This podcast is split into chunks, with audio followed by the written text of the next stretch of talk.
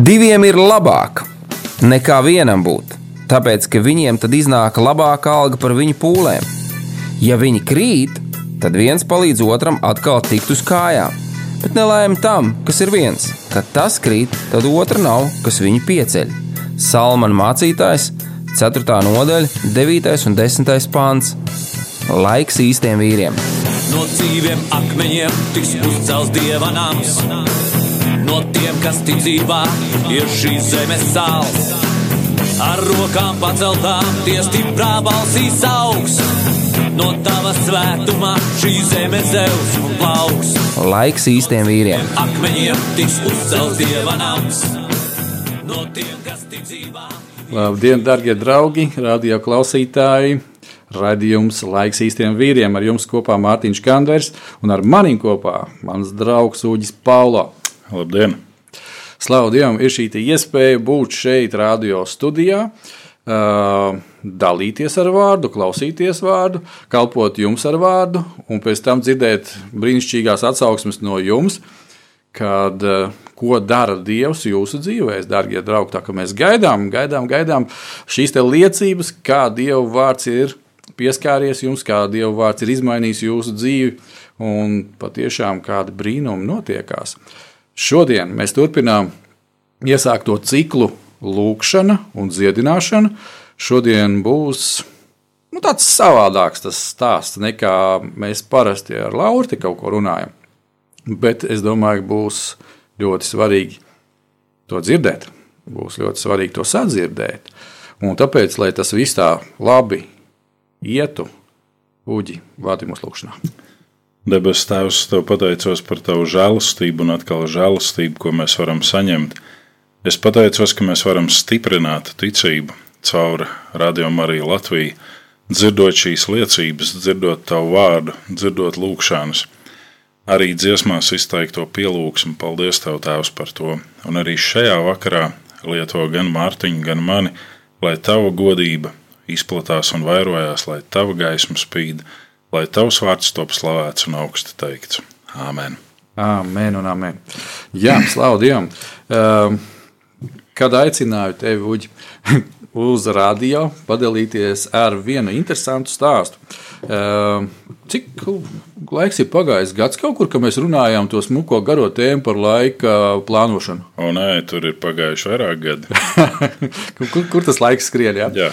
Un es atceros, ka um, visā šajā garajā ciklā Tā kā draugi atrodiet viņu arhīvā un noklausieties noteikti. Nu, tas būs ļoti svarīgi un jums to ļoti, ļoti noderīgi. Ehm, mēs runājam par dažādām lietām. Un es atceros, ka vienā no raidījumiem tu stāstīji par tādu lietu, tad, kad mēs, kā jau saka, mēs, mēs savā maksimālismā mēs visu gribam, panāksim, nu, mēs taču esam veči, ģimenes apgādnieki un tā tālāk. Un tā tālāk. Un tā mēs skrienam un darbojamies, un vienā pēkšņā brīdī vairs nekur neskrienam. Un tavā gadījumā tā nekur neskriešana nu, pilnīgi sanāca tāda, ka tu nonāci slimnīcā. Jā. Un tā kā tu nonāci slimnīcā, tas nav tā, ka vienkārši tur būtu kaut kāds pušums pirkstā vai vēl kaut kas, bet tur sanāca stipri liela problēma ar sirdi. Jā. Nu, lūk, un šajā atkal mūsu raidījuma kontekstā Eh, tad, kad mēs runājam par dažādām niansēm, kā Dievs dziedina. Eh, ne par velti, kā es saku, raidījuma nosaukums ir lūkšana un dziedināšana. Kad mēs lūdzam vai mēs sarunājamies ar Tēvu, kad kāds par mums sarunājas ar tēvu. Ja, tad, kad kā, Uģis bija slimnīcā, un nu, to saka, nu, tādā normālā lūkšanā veidā, kā mēs tagad sēžam šeit, ja, vai, vai nezinu, uz ceļiem, vai, vai gultā, vai vēl kaut kā pie pilnas apziņas, nu, es domāju, nesenāca tā, tā sarunāšanās ar tēvu, ja, bet bija noteikti kāds, kurš tādā veidā sarunājas ar, te, ar tēvu par tevi. Un tāpēc, eh, darbie draugi, tas ir ļoti, ļoti svarīgi un būtiski, ka mēs šīs lietas liekam, liekam un liekam sevi iekšā. Kad nav jāgaida, kad kāds uh, mūsu labs draugs vai tuvinieks nonāks slimnīcā, un tad būs, oh, ko tagad darīt? Ah, tu zini, kaut kur man bija lūkšana grāmata, ko, ko tur, tur kaut kā tā māsa mācīja lūgt, kaut kas tas, oh, izskriesim fiks pie priestera, viņš aizlūgs. Ja? Bet, kad uh, mēs saprotam, ah, Reku ir tā situācija, un es esmu viņai gatavs. Un es varu aizlūgt, es varu lūgt, es varu iestāties un pat ja man pašam ir kaut kas tik, tik nu, dažādi, kaut kas noticies, tad. Tā tā saka, nu, mans gars tik un tā viņš ir kontaktā ar tēvu. Ja? Un arī tā dvēsele tiek skarta no mūsu tuvinieku lūgšanām. Pirms mēs ķeramies pie vārda, es gribu izlasīt 147. psalma, 3. pantu. Un šeit ir tādi vārdi: Viņš dziedē salauztas sirdis un remdē ļaužu sāpes. It kā vienkāršs teksts, un lielākoties mēs šo psalmu trešo pāntu izlasot, sakām, oh, tur tās dvēseles sāpes, man viņas nodara, tā tad es eju pie Dieva, es viņam izstāstu visu, man tas tiek remdēts, Dievs man uzklausa. Jā, arī tā tas notiekās, bet šoreiz es gribētu šo vārdu, ka mēs tieši tā arī paņemam. Kad dziedē salauztas sirdis, kad ir fiziski problēma, kad uh, sirdī ir tik tiešām kaut kas salūzis, ja tā varētu teikt. Un Dievs ir arī tas, kurš fiziski viņu sakārto un fiziski remdē ļaužu sāpes.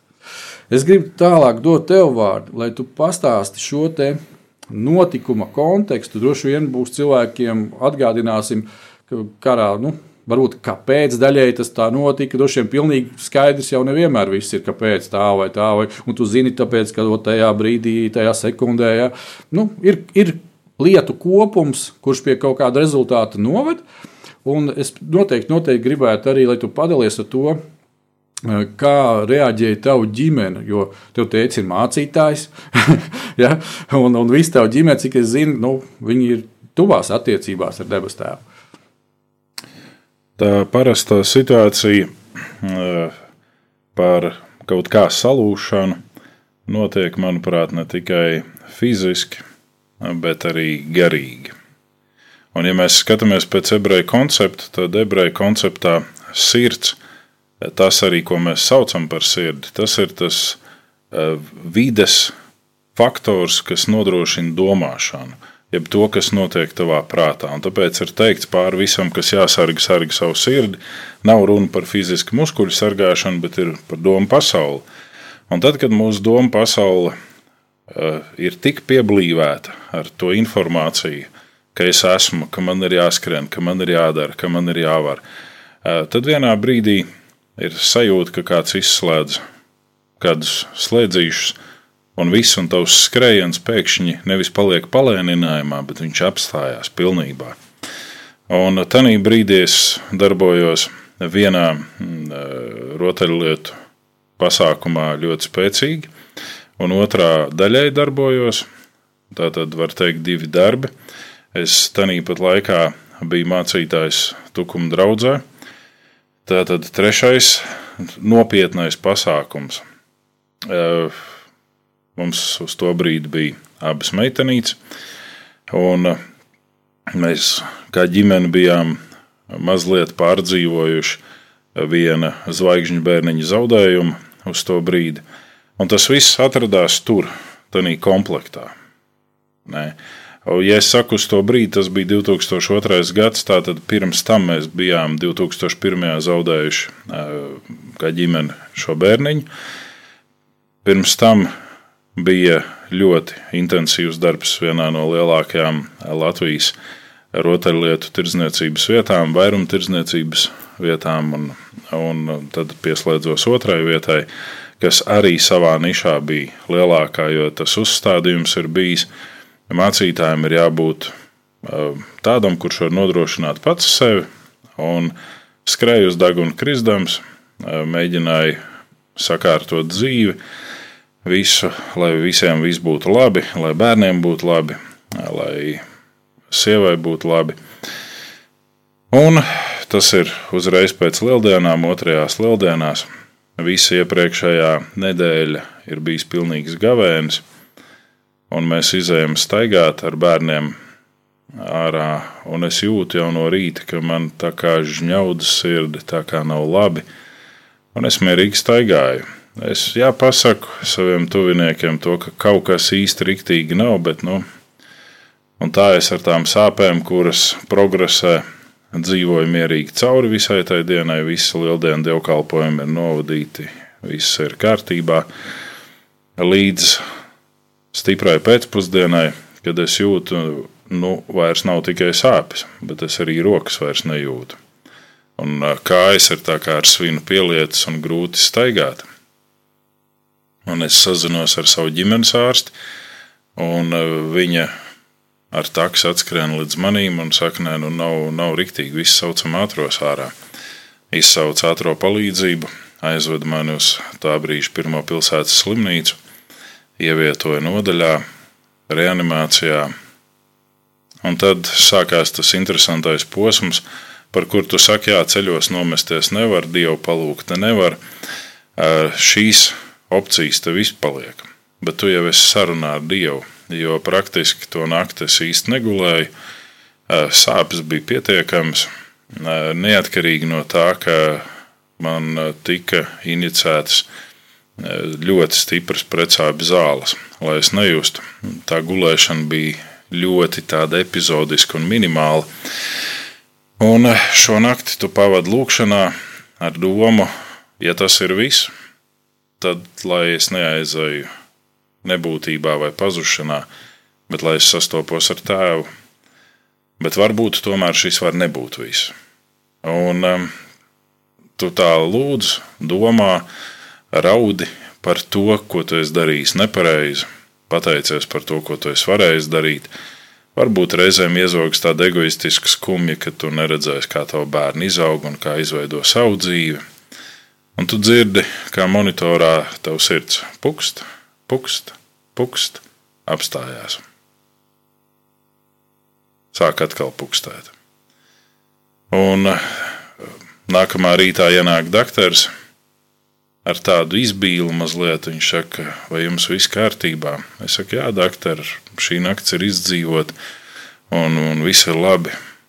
Viņš saka, nu, es nezinu, kā lai to nosauc, bet tas ir brīnums, jo jums aorta bija sākusi atslāņoties.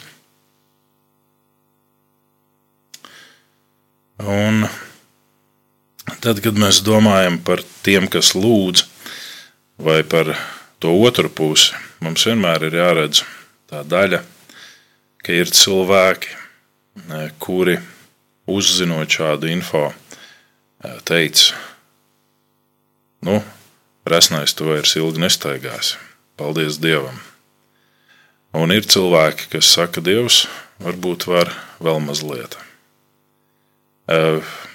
Šajā reizē vai tas bija pārdzīvojumu vai satraukumu dēļ, bet man vecāki to pārdzīvoja, protams. Kāpēc es pieminēju šo tekstu skarbo par to resno staigāšanu? Eh, to es pastāstīšu pēc īsa mirkļa, bet man vecāki bija pietiekami satraukti. Sieva bija satraukta, bērni bija pārāk mazi, lai būtu ļoti satraukti, bet viņa galvenais satraukums bija, ka tēvs, kas parasti ir mājās, nav vairs mājās. Eh, bet eh, pie manis ieradās eh, mācītājs, kas nebija mans tētis. Šajā brīdī, un es nesaku to, vai cik žēl, ka mans tēvs neatnāca. Es saprotu, kādam pārdzīvojumam viņš gāja cauri, jo nebija skaidrs, kas un kā būs. Bet um, atnāca mācītājs ar svēto vakarēdienu. Kopā lūdzām, runājām, kādus grēkus nožēloja. Nevis kādus, bet savus, protams. Un, un tad sākās pretējā progresija, sākās tas atvesaļošanās posms. Tas notika tātad aprīlī.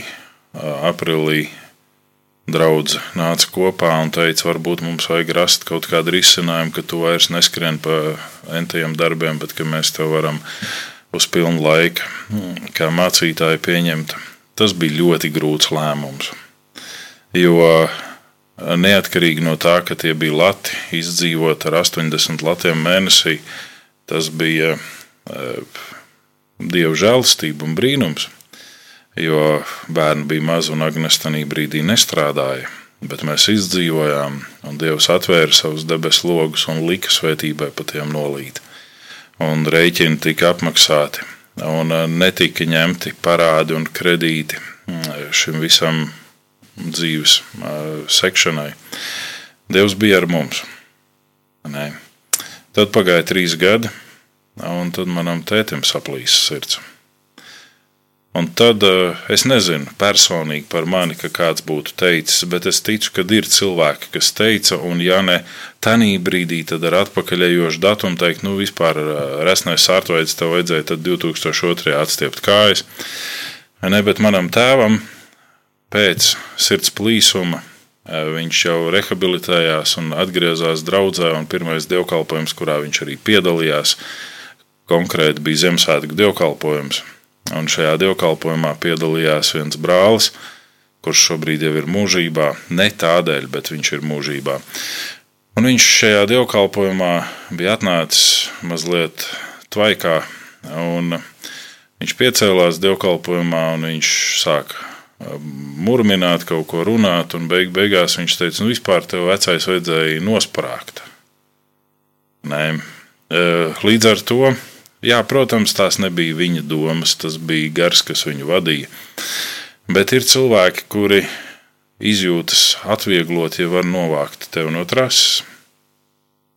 Ir cilvēki, kas lūdz, bet līdz ar to, ka mums ir pieredze jau no mana sešu gadu vecuma, ka mēs netiepjamies Dievu priekšā.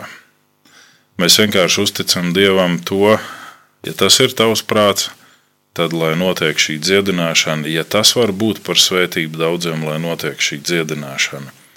Un es ticu, ka tā tas arī notika šajā reizē, un manā atvesaļošanās bija ļoti salīdzinoši pie tās smagās situācijas. Tā bija ļoti strauja un ļoti laba. Es varēju atgriezties darbā, es varēju kalpot draudzē, es varēju darboties, audzināt bērnus, Eh, un, un piedzīvot daudz ko savas dzīves turpmākajā laikā.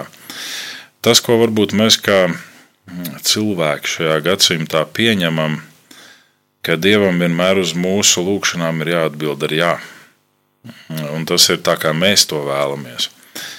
Un, eh, un šeit es gribu runāt pretīm, jo Dieva vārds mums to nemāca, ka Dievam vienmēr ir jāatbild ar jā. Un kā jau mēs ar tevi runājām par mums abiem pazīstamu cilvēku, kurš ir šobrīd devies mūžībā, pirms raidījuma mēs runājām, ka mēs nezinām, kuram ir labāk. Šim cilvēkam, jā, mums kā personām gribās, ka šis cilvēks ir ar mums. Mums gribās, ka tu vēl būtu mirkli, un tu saproti, Mārtiņa, tu saki, jā, tu jau vari tā teikt, tu tagad staigā, viss ir kārtībā. Tu nezini, vai es staigāšu līdz mājām. Es arī to nezinu. Ne? Šobrīd es staigāju, šobrīd es esmu šeit, šobrīd es liecinu, ka Dievs var dziedināt. Bet, ja Dievs arī mani nedziedinātu, citus dievus es nepielūgšu. Bija brīdis pagājušā gada noslēgumā, kad es runāju draudzē, nu ne pašā noslēgumā, tas bija jau otrā viļņa vidū apmēram, kad es draudzē liecināju un es teicu par to, ka es nezinu, vai es būšu Covid brīvs vai Covid manis kars. Un es netaisos no tā taisīt teoloģiju par to, ka es esmu ticīgāks, ja mani neskar, jeb eh, kāds cits ir vājāk ticīgs, ja viņu skar. Bet Dievs ļāva, ka šis covid skāra mani, un kad es biju covid pozitīvs, un ka es gāju cauri, salīdzinājumā ar citiem, es gāju cauri ziediņiem bet es zinu, kā tas ir, ka tev plēš galvu pušu nevis no galvas sāpēm, bet no kaut kā, kas tev ir aizdegunē, ko tu pat neredzi, nejūti, nezini. Ne? Es zinu, kā tas ir, ka tu piecelies no rīta ar konkrētu sajūtu, ka tu esi noguris. Bet tu esi gulējis visu nakti, un tu nevari neko sakoncentrēt savā prātā. Un iet laiks, un iet uh, dienas, un tev ir jāveic darbi, un tu nevari viņus veikt, jo, jo vienkārši tev domu nav un tev ir fantastiska sajūta. Māja ir jākru, jākurina ar krāsni, bet tu nejūti dūmu smaku. Un tu nezini, kas vispār notiek. Varbūt māja pilna ir ar dūmiem. Ne? Tu nejūti garšu, un tu saproti, ka ir jāuzstājas ēst, bet tu nezini, vai tas ēdiens būs salds vai sāļš. Ne? Tu, pirmajā naktī, naktas laikā es pazaudēju smaržu un garšu, un es Domāju, no, notestēt, to es aizēju līdz kafijas burkai, atvēru kafijas burku. Es saprotu, es tur neko nejūtu. Nav tur smaržas nekādas. Es paņemu šokolādes sviestu uz naža gala, ielieku mutē. Es saprotu, es nejūtu arī garšu. Ir fantastiski. Tu ēd gurķus, un tu iedomājies, ka tas ir šokolādes sviests, un viss ir forši. Tev pat nevajag maksāt par dārgo sviestu. Tu ēd vienkārši gurķus. un Dievs izved no tā, un Dievs dziedina. Bet, ja Dievs nedziedinātu, citus dievus es nepielūgšu. Un zini, cik tas ir grūti. Ja tev cilvēki ir apkārt, kas saka, paklausies, tur ir tāda tante, viņa fantastiskas lietas dara, un tur ir tāds onkuliņš, ne, un viņš dara lietas. Un uh, apmēram ap to pašu laiku, tikai ar dažu gadu nobīdi, kad man pirmo reizi saplīsa sirds, uh, muskulis, kāds vīrs ar savu sievu, kas Latvijā kalpoja ar pravietisku kalpošanu, uh, teica vienā tādā mazā lūkšanu sanāksmē, kur mēs bijām kādi seši, septiņi cilvēki kopā. Viņš teica, ka viņš redz, ka Dievs ir tanī brīdī, kad es esmu ievietots slimnīcā, ielicis manās rokās zobenu, ar kuru sacirst ļaunā važas, ar kurām viņš ir saistījis citus cilvēkus. Līdz ar to Neviena reize, ko es esmu pavadījis slimnīcā, nav palikusi bez evanģelizācijas vai cilvēku liecināšanas. Zinot to, ka citiem ir vēl sliktāk, es neesmu koncentrējies uz savām sāpēm vai ciešanām, bet vienmēr gājis un kalpojis. Un mēģinājis izraut citus ārā no šīs putras, no šīs jēzgas, kur viņi ir Dievu lūdzot. Un Viņš teica, šis ir tavs kalpošanas darbs, šī ir tava uzdevuma būtība.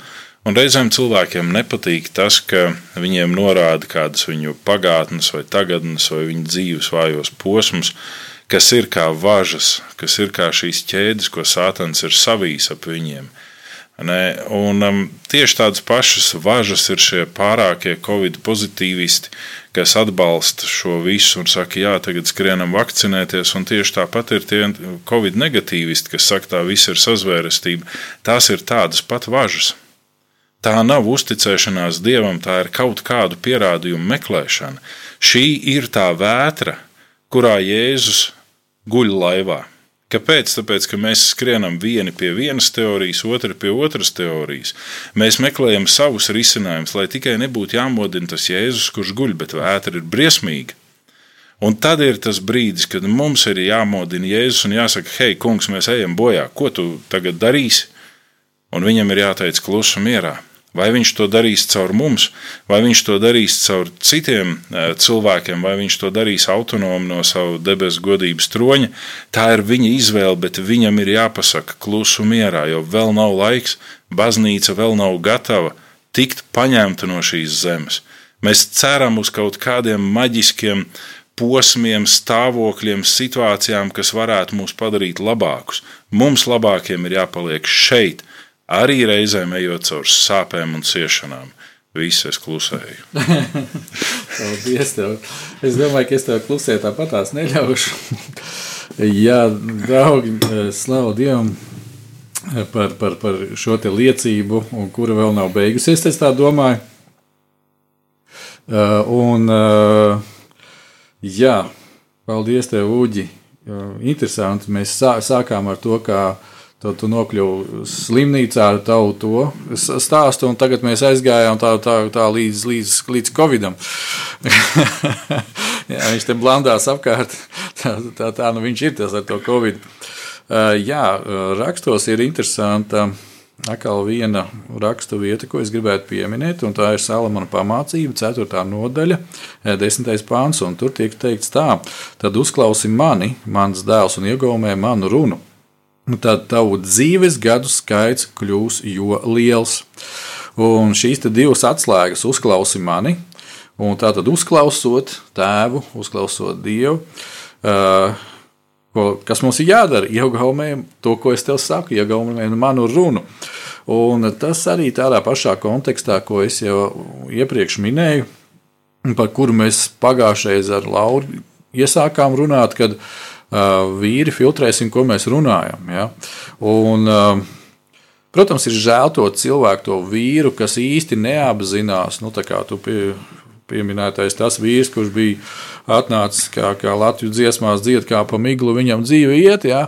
un tā viņš pa miglu ir atnācis uz, uz draudzi un cenšas kaut ko tur saprast un bubina, un, un tas gars, kas, diemžēl, to miglu viņa dzīvē uztaisīs, tas tur var, var, var izpausties un vārdos izteikt ārā kaut ko, ja? un, Diemžēl tas pats vīrs nefiltrē, kas, kas notiekās. Ja? Tāpēc arī mēs uh, lasām rakstos un redzam uh, to, ko Dievs saka, esiet skaidrā prātā. Esiet skaidrā prātā, ja? uh, saprotiet, kas notiek. Ja? Nu, un arī to, ko es dzirdēju tavā jau šajā liecības pirmajā pusē, es gribēju teikt, tā, ja, kad, tad, kad tu nonāc slimnīcā, principā liekas, nu, nu jā, tā situācija nav vienkārša, ja maigi izsakoties. Bet paldies Dievam, ka Dievs tev dod arī šo skaidro prātu tajā brīdī, ja, ka tev ir attiecības ar debesu tēvu. Ja, kad caurējot visām šīm sāpēm, visai šai naktī, tev ir šis te e, skaidrais pāts attiecībā uz viņu, tu ar viņu var komunicēt. Ja, un, ja viņš atstājis tevi šeit virs zemes, tad viņam bija šis plāns ko apstiprināja tālāk jau pravietisks vārds. Un atkal mēs redzam, kā Dievs pagodinās.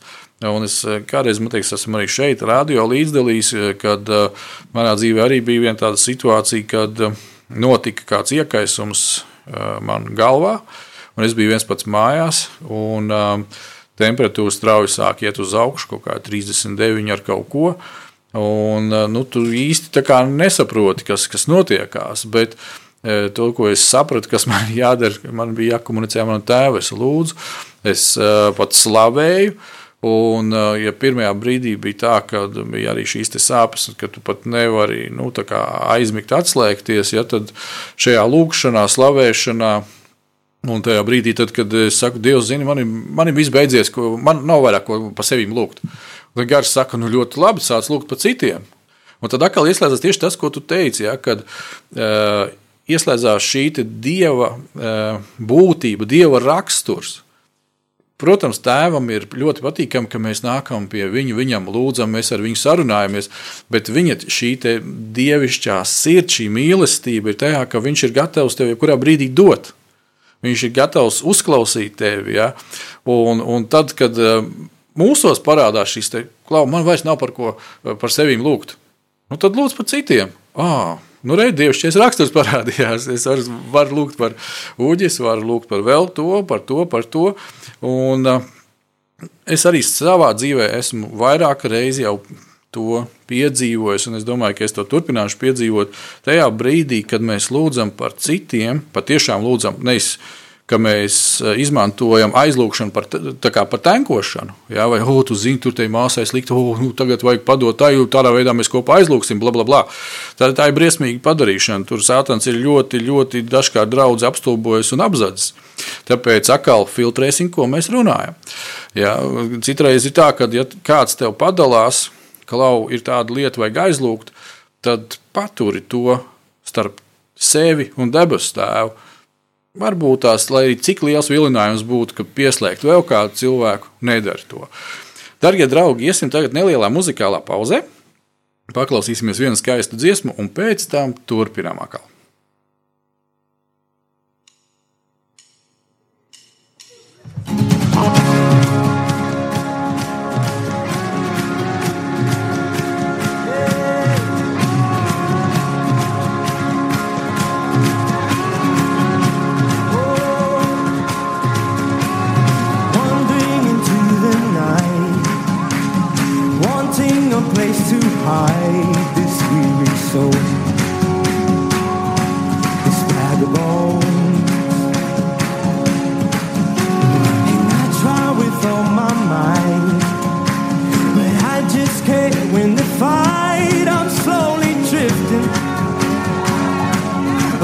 vagabond.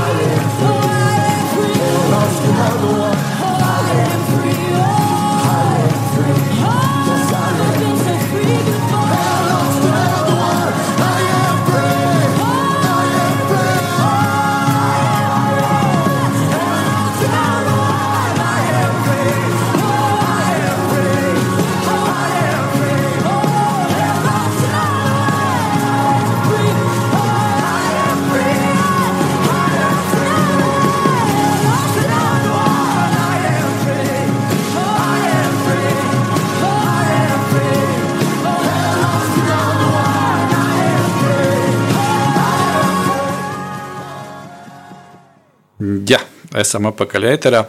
Dziesma par to, ka mēs Dievā esam brīvi. Un eh, tieši to mēs arī runājam ar Ruģi Paulo šeit.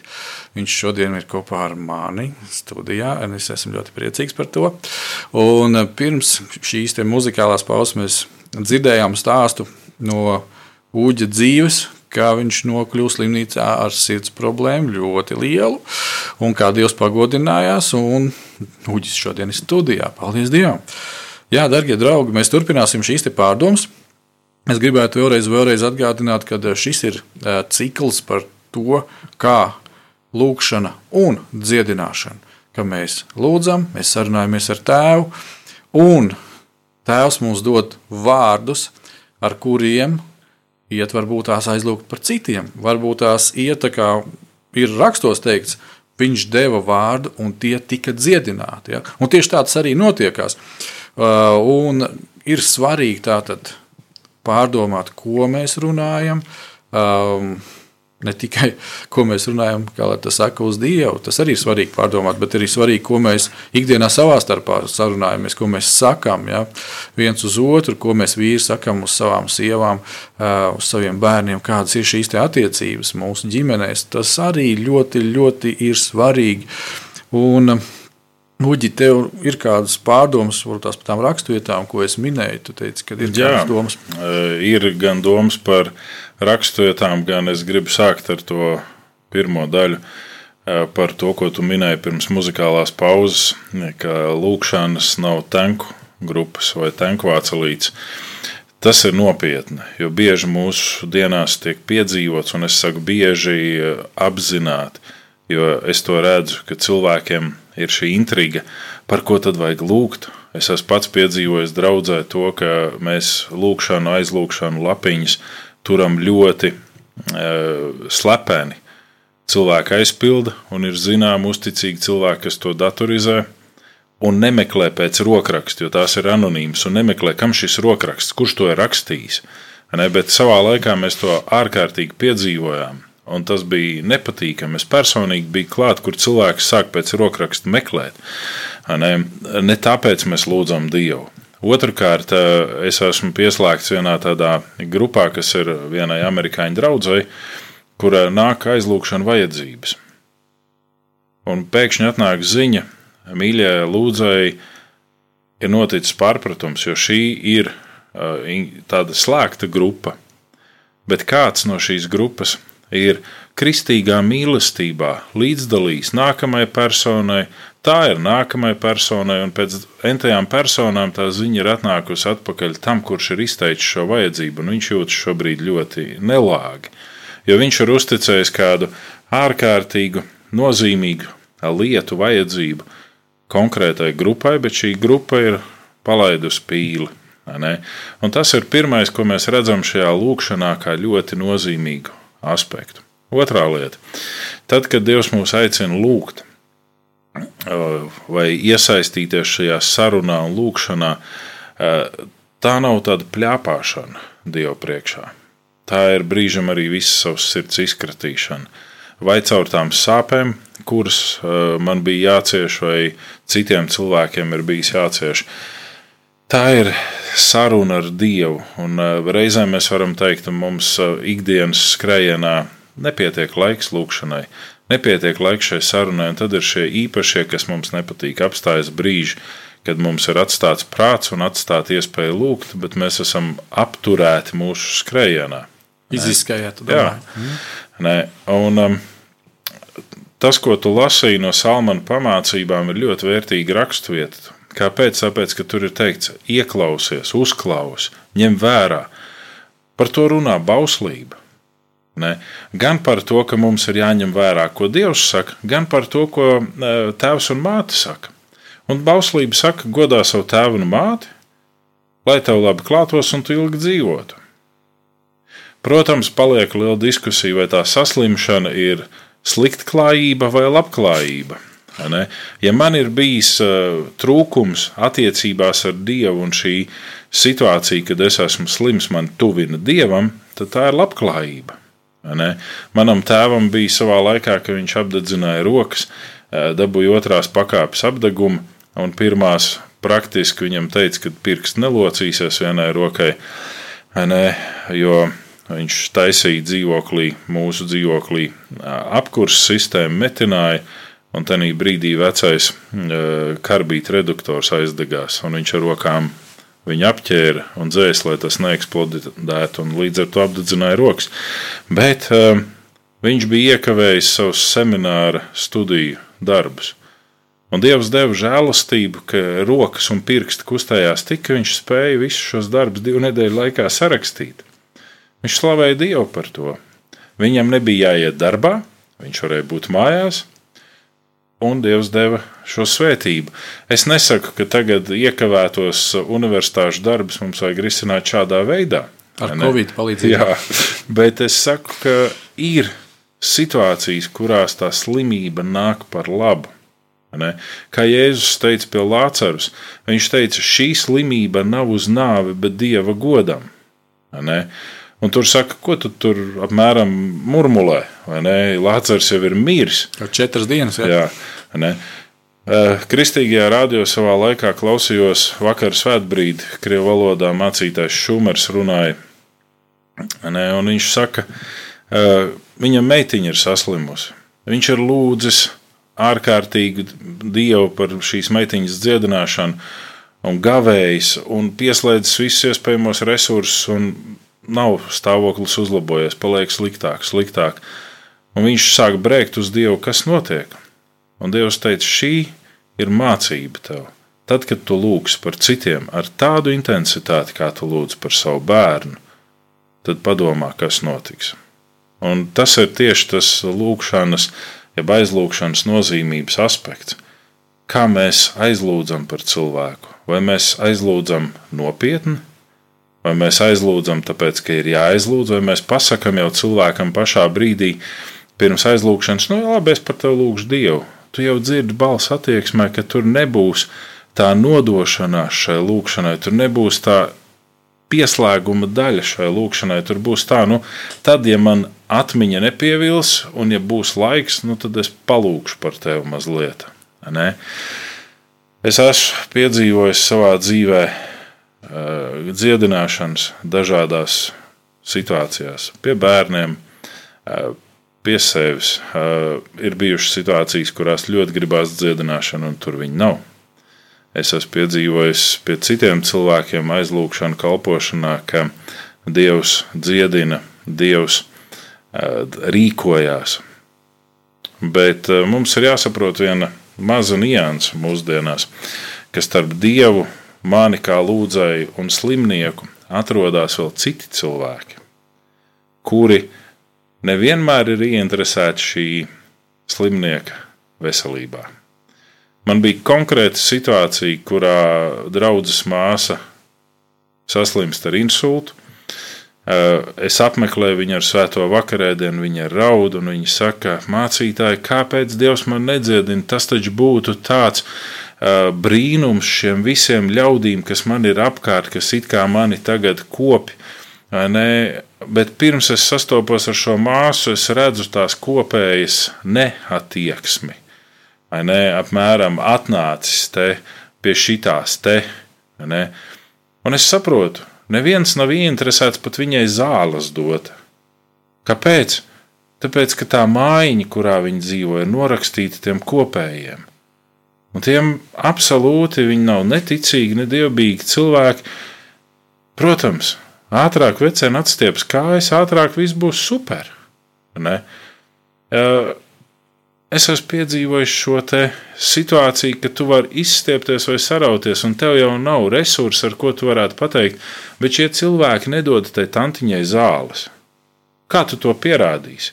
Un tantiņa, protams, pēc pāris nedēļām vairs nav mūsu saulē, man viņi ir jāiet, jāizvada, kur šie kopēji nosacīti pat neierodas uz bērēm. Ne? Ar sirds sāpju tu stāvi, tu redz to cilvēku, kurš saka, kaut Dievs man dziedinātu, tā būtu liecība, un tā pat laikā tu redz, ka to liecību nevienam nevajag. Nevienam. Ne? Un ir situācijas, kurās bērnībā Dievs ir dziedinājis manus bērnus, un tad, kad viņi ir pusauģi gados, pēkšņi ir kaut kāda saslimšana, un es saucu uz Dievu, un man sirds salūst. Un es saku, Dievs, bet kāpēc toreiz tu dziedināji? Un tagad, un Dievs saka, uzticies. Nē, uzticies. Ir vēl viena maza problēma, ka mēs esam tādi uh, cilvēki, kuriem patīk emocionāls apreibums. Mums gribās to, lai kāds mums atnāk un pasaka kādu spēcinošu frāzi, kādu praviestisku izteiksmu, kādu atklāsmi, un tad mūsu sirds notrīsās un ir labi. Un ir bijuši cilvēki, kas man eh, uzaicina uz savu dzimšanas dienu un nelaiž pāris slieksnim, kamēr es neesmu viņiem pravietojis uz slieksni. Ne? Un saka, tu man neko neteiksi, mācītāji. Eh, Pagaidiet, no nu, es atnācu, reku, te ir puķis, te ir dāvaniņa, lai Dievs tevi svētī, lai daudz baltu dieniņu, kā teikt. Ne? Tu man nepravietos, patiešām, ne? vai Mārtiņa pazvana, man, man, vajag, kad mēs lūdzam kopā Dievu, un tad, kad Mārtiņa tu man pazvani, tad beigās at tev nav kad atklāsmīt priekš manis. Nu, ja būtu, es noteikti tev teiktu, vai ne? Nu, Tas ir tās situācijas, kur mēs jau tā kā pie veikalnieka, pie dieva ejam. Bet Dievs mums ir devis kā draudzēji šo varu un spēku atgriezties no mūsu sirds ļaunajiem ceļiem. Tas ir no mūsu ļaunajām domām. Nē, no savā laikā bija tāda dzēņa. Noklauts biezi koka vāka, bībeli vai lasīt mākslinieks, avīzēs jau lūrējis, elas vārtos stūrējis. Un, Jā. un tas ir tas, es varbūt avīžu vietā ieliktu internetu vai, vai citas lietas, bet tas ir tas moments, kad mēs eh, lūram tur, kur nav risinājums. Mēs meklējam to risinājumu, mēs eh, šērojam to risinājumu, moderni sakot, viens otram sakot, paskaties, redz, kāda te ir atklāsme, un redz, kāda tur ir atklāsme. Ko Dievs saka par šo visu? Kur paliek tas uzticies man, paļaujies uz mani? Ne? Un, uh,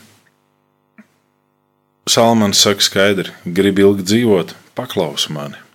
Paklaus mani, dzīvo mierā, un neviena sazvērestības teorija nevarēs stāties spēkā un pieņemties varā, ja ticīgie lūgs. Mums ir viens slepens ierocis uz celīšiem, lūg Dievu. Nu, ja ceļš sāp, var stāvus arī vai sēdus, bet lūg Dievu, lūg Dievu tā, kā, kā Elīja lūdzu Trīs gadu un seši mēneši nelīja lietus. Notika brīnuma zīmes pie sareptas atraitnes. Ne sareptā. Mums ir Jānis un Pēters, kas iet uz templi lūkšanu stundā. Jautājums, vai Jēzus nebija sastaps šo tīzlo, kas no miesām bija tīzlis? Jēzus gāja vismaz trīs reizes gadā uz templi. Tā raksts saka, viņš tur ir. Un nereiz viņš nav sastaps un nav dziedinājis, ja šo viņš ir atstājis tiem ceļiem, kas sekos viņam. Lai tie to izdara un lai tiem ir tas wow, bet ir arī situācijas, kad nekas nenotiek. Mūsu kungs un pestītājs nenokāpa no krusta, biķers viņam neaizgāja garām, un uh, Dievs manifestējās viņa augšām celšanā.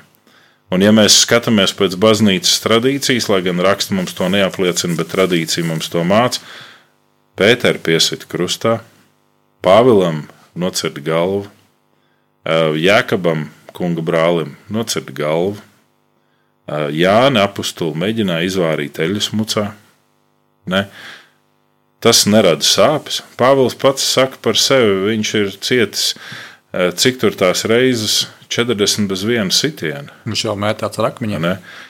Kad viņš ir uzskatīts par mirušu un pamests, un tad viņš pieceļās un aiziet pēc tam.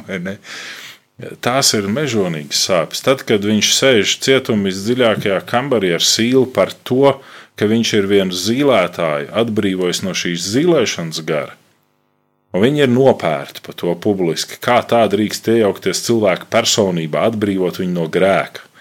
Ne? Tur neviens viņiem nedod tādā cietuma kambarī nekādu dezinfekcijas līdzekli, neko. Redz, verdzenes cilvēktiesības ir pārkāptas, viņi ir atbrīvoti. Bet tie džeki, kas atbrīvoja, tie tur var dabūt infekcijas.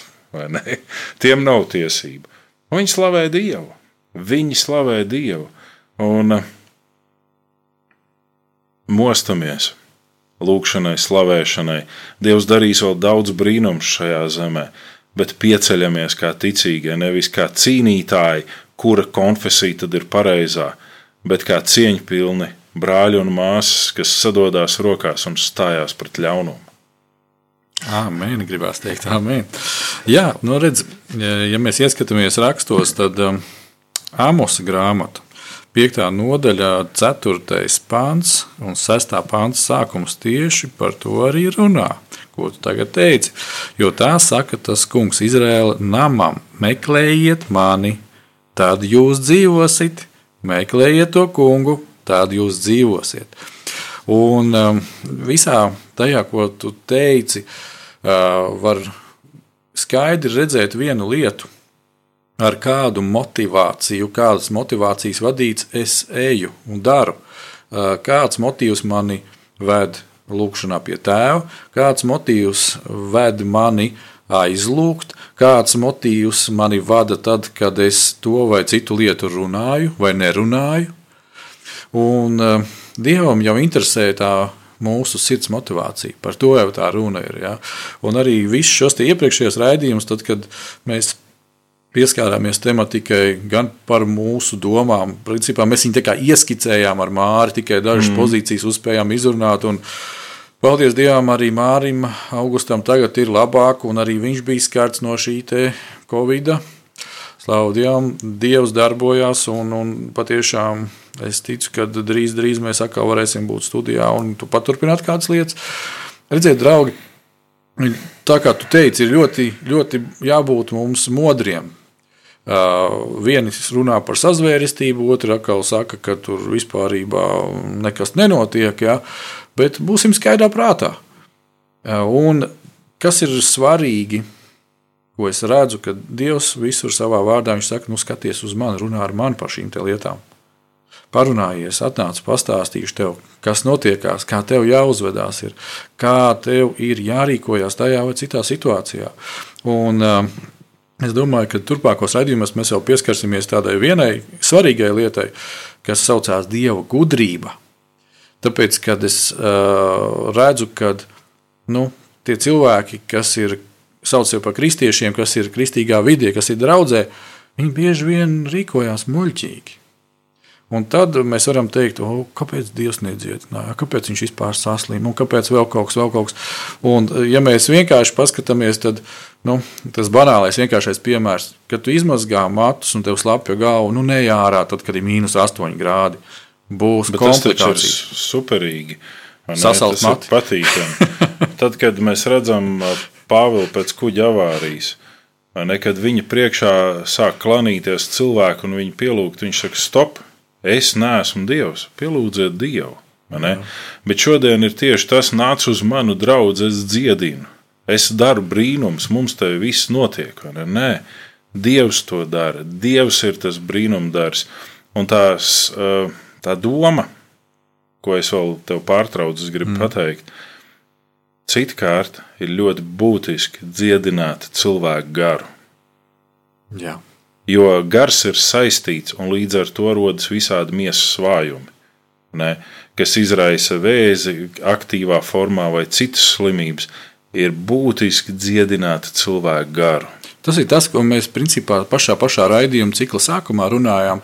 Um, es varbūt palabošu, nu, varbūt tās man nav pareizi izpratne, bet uh, mēs runājam par vienu lietu, kad uh, Ko nozīmē dziedināt garu? Gars, ja viņš ir ar Jēzu, ja viņš ir Kristu Dievu pieņēmis, tā, tad viņš ir jauns radījums, tas ir, tas ir viņa gars, tad viņš ir atzīmis. Ja viņš nav pieņēmis, tad, diemžēl, viņš ir sātana valgos.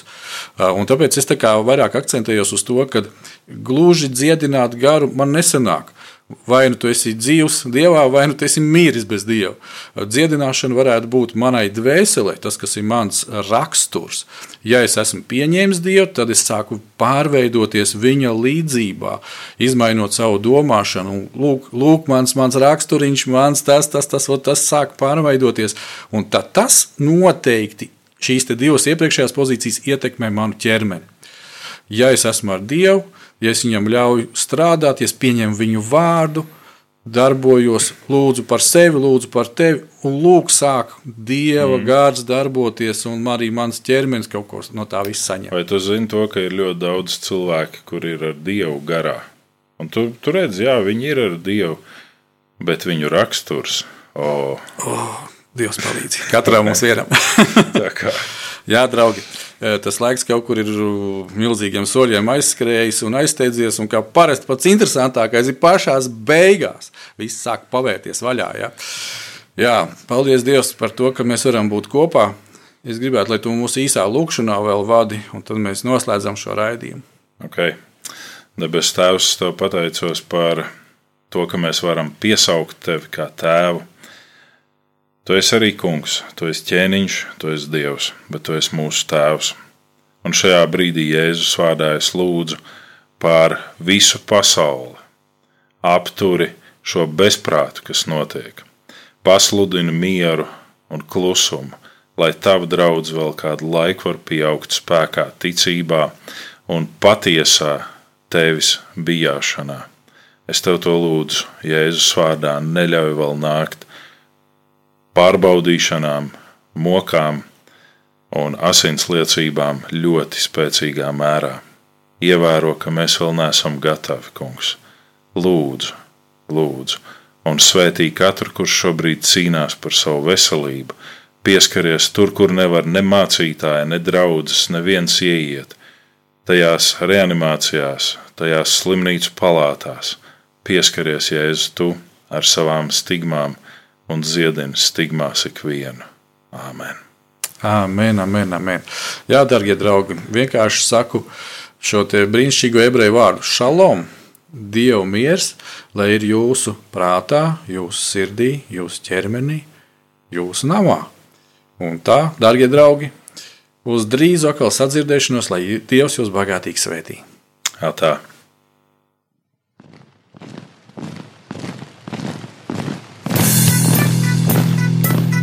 Diviem ir labāk nekā vienam būt, tāpēc ka viņiem tad iznāk labāka alga par viņu pūlēm. Ja viņi krīt, tad viens palīdz otram atkal tikt uz kājām. Bet nelēma tam, kas ir viens, kad tas krīt, tad otra nav, kas viņu pieceļ. Salmāna mācītājs, 4. nodaļa, 9. un 10. pāns. Laiks īstiem vīriem. No dzīviem akmeņiem tiks uzcelts dieva nams no tiem, kas tic dzīvā, ir šīs zemes sāls. Ar rokām paceltām, tie stiprā balsīs augs. No tava svētumā šī zeme zeus un plauks. Laiks īstiem vīriem. Akmeņiem tiks uzcelts dieva nams. No tiem, kas tic dzīvā.